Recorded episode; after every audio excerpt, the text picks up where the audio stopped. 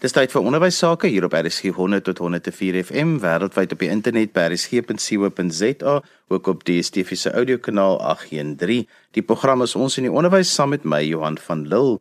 Vandag gesels ek met Dani Brink en hy is die uitvoerende direkteur van die skole ondersteuningsentrum ook bekend as die SOS. En ons gaan 'n bietjie gesels oor navorsing wat hulle oor skoolveiligheid gedoen het. Dani, hoe is hierdie navorsing gedoen en watter hoeveel skole en hoeveel mense was betrokke hierby? Johan, ja, ons het landwyd vraelyste uitgestuur na skole toe rondom hulle veiligheid en die fokus op veiligheid by skole. So die die navorsingsvraelys het so 15 tot 20 vrae ingehad. 295 laerskole het deelgeneem aan ons navorsing en 333 hoërskole. So altesaam so 628 skole landwyd lekker wyd versprei platland in die stede uh al die provinsies was goed verteenwoordig. So ons voel ons het 'n goeie kyk gekry op uh die fokus rondom veiligheid van skole. Danie, kom ons begin by die positiewe aspekte. Was daar enige positiewe aspekte rondom veiligheid of oor skoolveiligheid wat jy bevind het? Ja, daar's definitief twee dinge wat baie positief is. En die eerste is dat spesifiek Afrikaanse skole 'n duidelik en gevestigde veiligheidsbeleid het. Hulle het 'n ontruimingsplan in plek. Baie van die skole oefen dit gereeld. Die onderwysers is deeglik bewus van hierdie beleid en kan dit toepas en hierdie beleid word ook baie mooi gekommunikeer na die ouers toe vir gevalle van nood. So dis die eerste ding, 'n lekker gevestigde veiligheidsbeleid wat gedurig en deeglik afgestof word. Dan die tweede ding is dat Afrikaanse skole veiligheid baie ernstig opneem dis nie asof dit maar net 'n rand kwessie by hulle is nie. Uh baie van hulle het 'n voltydse wag by die hek voor en ons wat van die SOS se kant af baie by skole rondry en in seminare aanbied en met personeel praat sien dit ons beleef dit ons moet inteken. Hulle wil weet wie is ons wat kom maak ons daar? En dis 'n goeie ding. Ou kan sien dat die kinders aanderkant hierdie veiligheidshek veilig is. Baie van hulle het kontrakte met privaat sekuriteitsmaatskappye en ons weet hoe goed is hierdie maatskappye en hoe vinnig reageer hulle en party van hulle het goeie verhoudinge met die polisie, uh, skakeling met die polisie, maar ons voel dat dit dalk nog kan beter wees. So Dani, wat is die ooglopende gebreke by skole as dit kom by veiligheidsmaatreëls? Vir ons uh, was dit wel dat daar 'n klompie skole is waar toegangsbeheer nie goed is nie. Ehm um, daar is so 1 uit 10 skole waar daar geen toegangsbeheer is, met ander woorde die hek staan oop. En dis nie 'n goeie ding nie. Uh so skole kan definitief fokus op hulle toegangsbeheer. Ons kom ook by ons aanbevelings waar ons sê dat 'n skool moet een plek van toegang hê. Ons, jy weet, ek sê baie keer dis een ding op Google Maps 'n skool te kry, maar dis 'n ander ding om sy voor ingang te kry. Jy weet, so ou ry partykeer sewe keer om en jy's bang die skool val om voordat jy die die regte hek kry. Maar ja, so dis die een ding.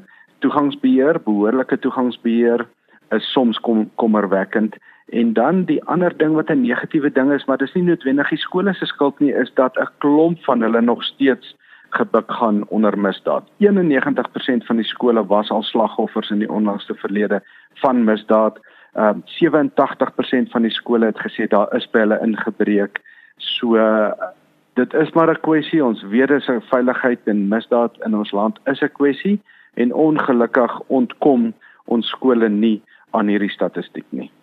Dan vir die volgende vraag hou ek my hart vas want dit is eintlik ontstellend om dit moet vra maar spandeer skole 'n klomp geld om hulle self te beveilig. Hoe werk dit?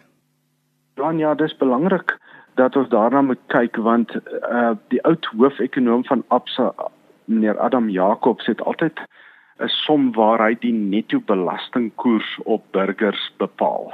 En ons weet dat in Suid-Afrika is dit verskriklik hoog. Ek dink is van die hoogste in die wêreld.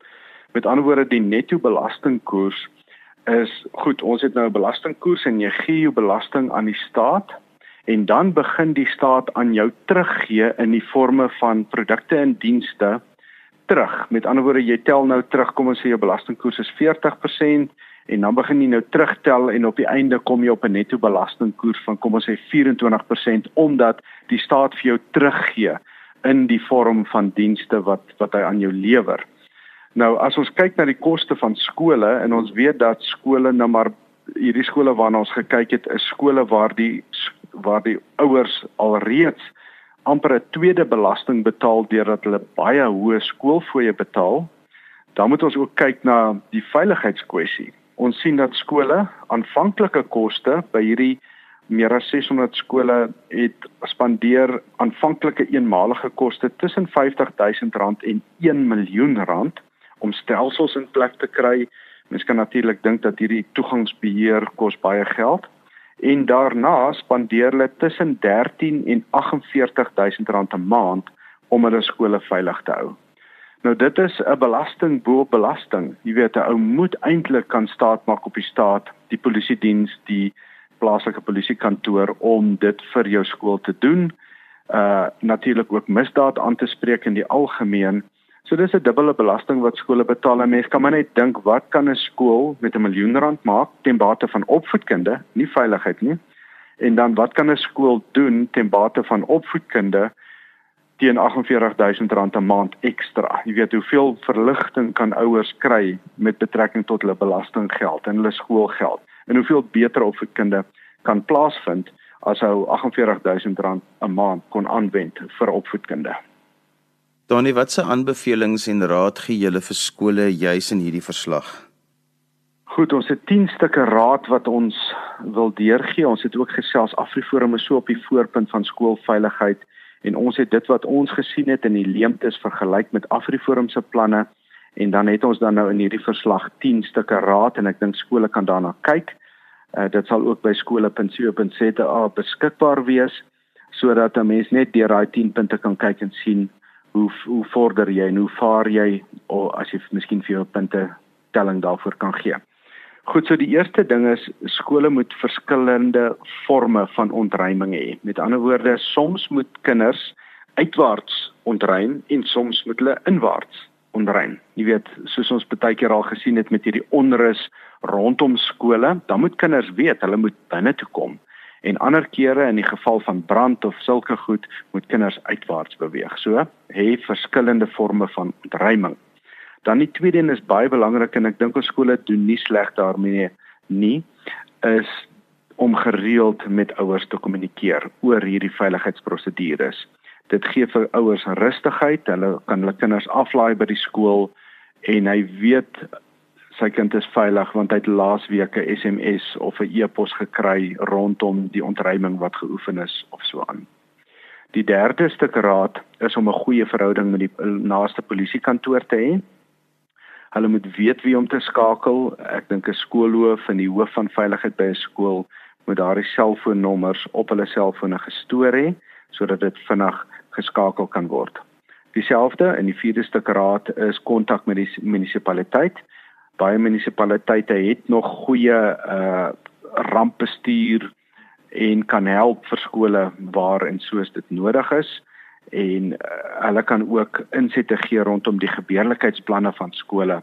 So maak seker dat 'n mens goeie kontak met jou munisipale amptenare het dan moet daar by elke skool 'n eksklusiewe kommunikasiebeampte aangewys word. Ek dink ons het al geleer uit van die onlangste rampe dat kommunikasie vanuit verskillende oorde nie goed is nie en dit skep verwarring. So 'n skool moet 'n eksklusiewe beampte hê wat al die kommunikasie hanteer, kommunikasie na die media toe, kommunikasie na die ouers toe, na die leerders toe en so aan. Goed, dan moet daar ook 'n sentrum van beheer wees. As daar iets fout gaan, moet uh 'n sekere spesifieke klomp mense weet dat hulle na daardie sentrum toe moet gaan en van daar af word 'n krisis beheer. Daar moet hopelik 'n radiostelsel wees sodat indien selfone af is dat daar nog steeds kommunikasie kan plaasvind. Goed, nie baie skole het die luksheid om 'n sekuriteitsmaatskappy, privaat sekuriteitsmaatskappy te kan aanstel nie. Maar ons moedig skole aan om 'n goeie verhouding met hierdie sekuriteitsmaatskappye te hê al is hulle nie noodwendig betalende lede van hierdie maatskappye nie. Hierdie sekuriteitsmaatskappye wil graag 'n goeie verhouding met die publiek hê, met die ouers van die skool en ek dink dit is baie keer vir hulle 'n goeie oefening, uh, PR oefening om betrokke by die skool te wees uh, sodat hulle dan ook op daardie manier bemarking kan kry. 'n mens moet dan agstens nie die rol van onderwysers onderskat nie. Onderwysers het baie kennis die lede van die personeel het hulle vinger op die pols van dinge wat in die gemeenskap gebeur. Hulle moet bemagtig word, hulle kennis moet benut word en hulle moet gebruik word. Ek dink hulle kan die veiligheid van 'n skool net tot op 'n volgende vlak sit. Ons negende stuk raad is om met die plaaslike buurtwag kennis te maak, om in te skakel by hulle, om 'n vennootskap te sluit met hierdie buurtwag Dis die ouens wat ook hulle vinger op die pols het van wat gebeur in die gemeenskap. Dis die ouens wat wanneer skool uitkom dalk net een of twee voertuie naby die skool kan hê en 'n ekstra gerusstelling in die harte van ouers kan plaas. So dis 'n belangrike rolspeler. En dan die laaste een en ons het miskien vroeër ook daaroor genoem, toegangsbeheer. Daar moet hoofsaaklik net een manier wees van toegang tot 'n skool dis baie keer 'n frustrasie vir mense nie al ons skole lê op plekke in woonbuurte waar daar uh genoegsame toegangsbeheer is jy weet as kinders kom haal word na skool nie maar met betrekking tot veiligheid is dit 'n absolute noodsaaklikheid wanneer daar moeilikheid is wil mens weet daar is een plek waar kinders in moet kom en daar is een plek waar mense verhoed moet word om in te kom en die ander plekke moet veilig wees. So dis ons 10 stukke raad wat gekry kan word saam met die hele navorsingsverslag by skole.co.za. Danie, as skole met julle wil kontak maak, ek weet julle gee ook raad hieroor, hoe kan hulle dit doen? Hulle kan ons gerus uh kry by die webblad uh, www.skole.co.za. Hierdie navorsingsverslag asook al ons ander verslae is daar by skole.co.za ons kontakbesonderhede is ook op die webblad skole.co.za. En so gesels Dani Brinkhuis, hy uitvoerende direkteur van die skole ondersteuningsentrum oop bekend as die SOS. In die tweede helfte van vandag se program gaan lê ons besoek af by 'n STEAM dag wat by Kiro Durbanville gehou is.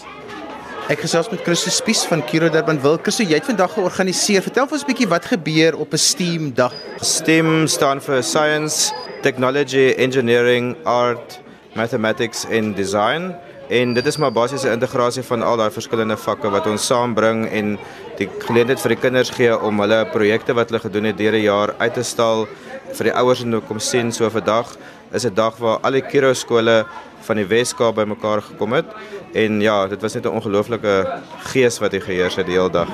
Goeiemiddag, ek is Andre Pollard. Ek is hoof van kurrikulum by Kiro en ons bestuur die kurrikulum in ons hoër en laerskole en ook ons primêre skole. En ons het so 3 jaar terug besluit ons wil deel raak van die dieper liggende leer wat daar in skole moet plaasvind. Ehm um, deur die wêreld praat hulle van oppervlakkige leer wat plaasvind. Ons gaan kyk of die kinders 'n bietjie meer kan leer nie. En ook so 'n bietjie in die kinders se leefwêreld te kom en dit waarin hulle belangstel. Dit is om kyk na 'n paar opsies en een van dit was die projekgebaseerde leer waar kinders so 'n bietjie meer kan sê van wat hulle graag wil leer. Maar natuurlik moet ons hulle so 'n bietjie leiding gee en daarom gee ons hulle regtige moeilike vrae aan die begin wat hulle bietjie laat dink oor dit wat hulle moet gaan leer. En dan gee ons hulle ernstige probleem saam met dit wat hulle moet oplos, uh, wat kom by die probleemgebaseerde leer wat kinders hulle eie probleme moet oplos. Maar ook dat hulle self moet sê wat hulle wil leer en hoekom hulle dit wil leer. Maar ook dat hulle hulle feite moet gaan toets teenoor hulle vrae wat hulle vir hulle self vra. Want kinders vra baie vrae, maar mens weet nooit of daai vrae geregverdig is nie. En met hierdie probleemgebaseerde leer kry die kinders die geleentheid om hulle eie vrae te vra en hulle self te gaan toets of dit werklik kan werk.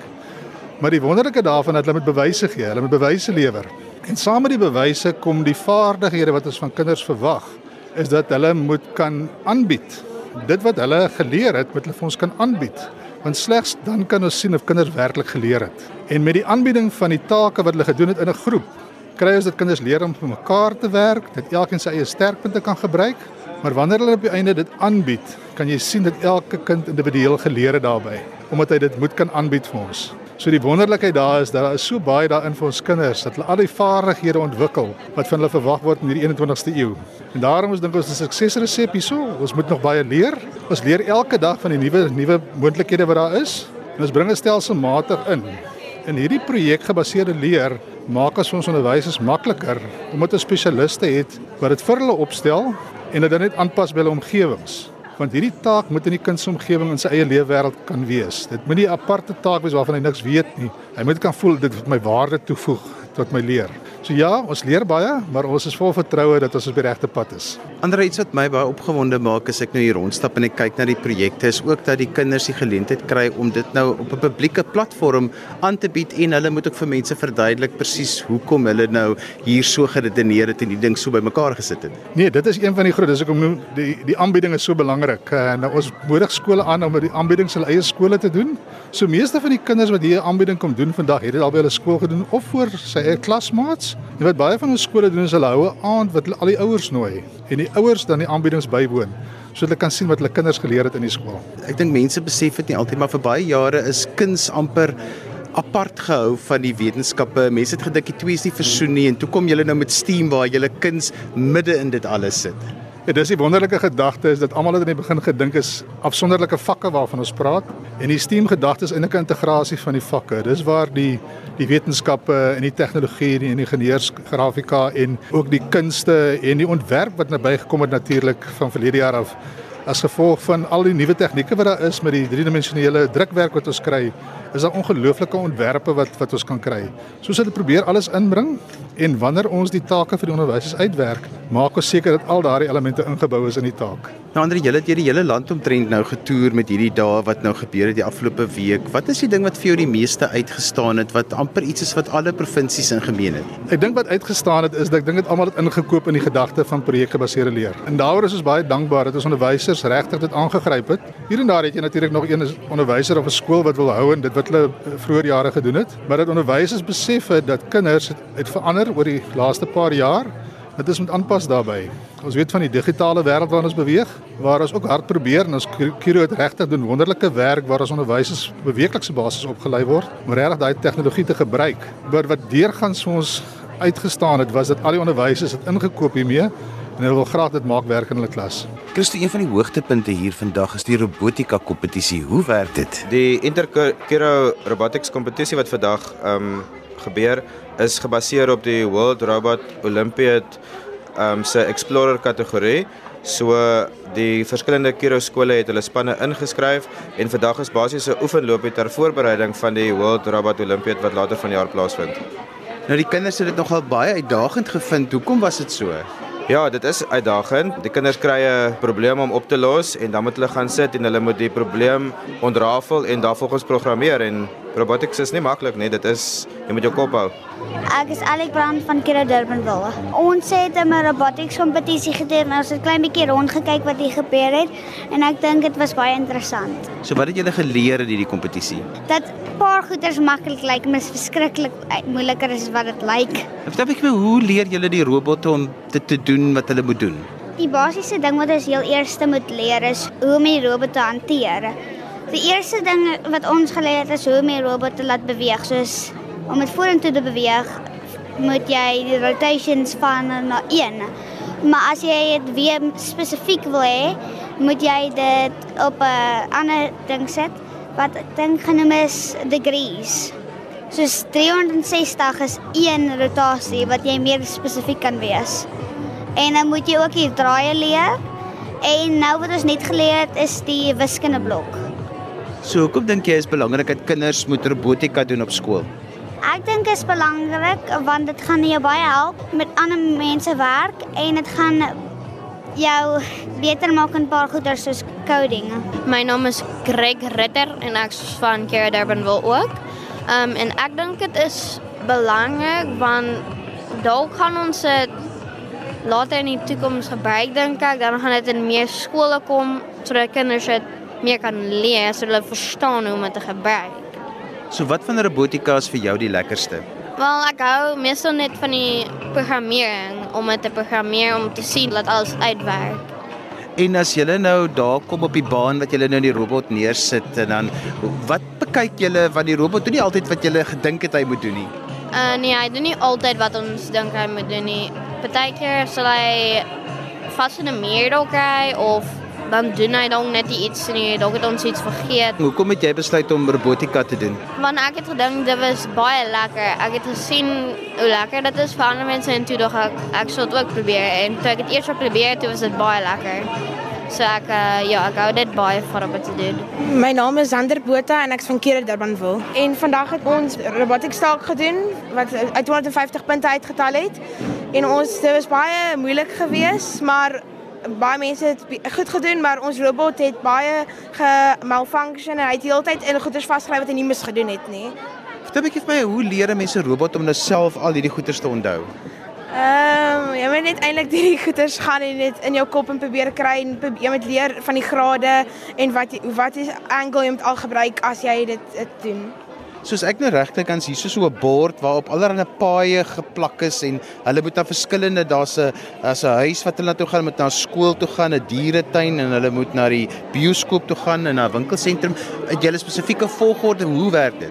Nee, ons het eintlik 'n spesifieke volgorde gehad nie, maar jy moes die karakters van wat in was, moes jy instoot, maar jy kan dit enige volgorde gedoen wat jy wou en dan op die einde moes jy die, die twee wit karakters in lys gaan sit het so by die robotjie dan dit optel in hulle huis sit. Ja.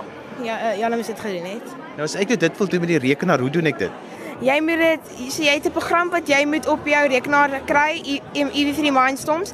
Dan het jy sien daar so 'n verskillende soorte blokke wat jy kan gebruik, steering en launch motor en dan kon jy dan kan jy kies van wat hy kan doen. So jy kan sê steering of dan kan jy sê wat hoeveel grade hy moet draai of hy rotations of degrees moet kan gaan of wat 'n spoed. Maar as jy hom wil skuif, dan gaan dan gaan jy die medium motor moet gebruik om dit kan oplig en aflig. My naam is Michael de Kok en ek son Kira Brackenfell. Dit was 'n bietjie lekker, maar dit het 'n bietjie skeef geloop ook. Wat is skeef geloop? Vertel. Wel, die draaie en al daai goed, die robot het self ook skeef geloop. Nou hierso sulke bane. Kom ek en jy stap gou na die baan toe, verduidelik jy vir my wat gebeur op so 'n baan. Okay, so hierdie baan alles daar's verskillende tipe dinge wat jy moet doen, soos in die battery daarso sit, die juffrou of meneer daarso, die die jy moet die wit kind daarso by sy huis en oral oral alles. So hoe werk dit en dan sit jy nou die robot iewers op 'n plek neer en dan wat doen hy? Okay, so hoe dit werk is soos in jy moet dit doen reg en as jy die robot op daai vierkant daar neersit, dan gaan moet hy al daai dinge doen in een keer. So wat kan dan verkeerd loop? Vat hy baie keer verkeerde draaie? Ja, verkeerde draaie en um, hy kan ook baie keer self af van die pad gaan, af van die lyn af en self ook die mure omstamp dan ja. En hoe voel jy hoe dit vandag met julle gegaan? Wel, dit was baie lekker, maar dit het ook baie skeef geloop, maar ek sou sê dit was 'n lekker dag ooit. En so gesels leerders wat aan die STEAM dag by Kiro Durbanville deelgeneem het. En daarmee het ons gekom aan die einde van vandag se ons in die onderwys. Onthou jy kan weer na vandag se program luister as 'n potgooi. Laai dit af by resgep.co.za. daarmee groet ek dan vir vandag tot volgende week van my Johan van Lille. Totsiens.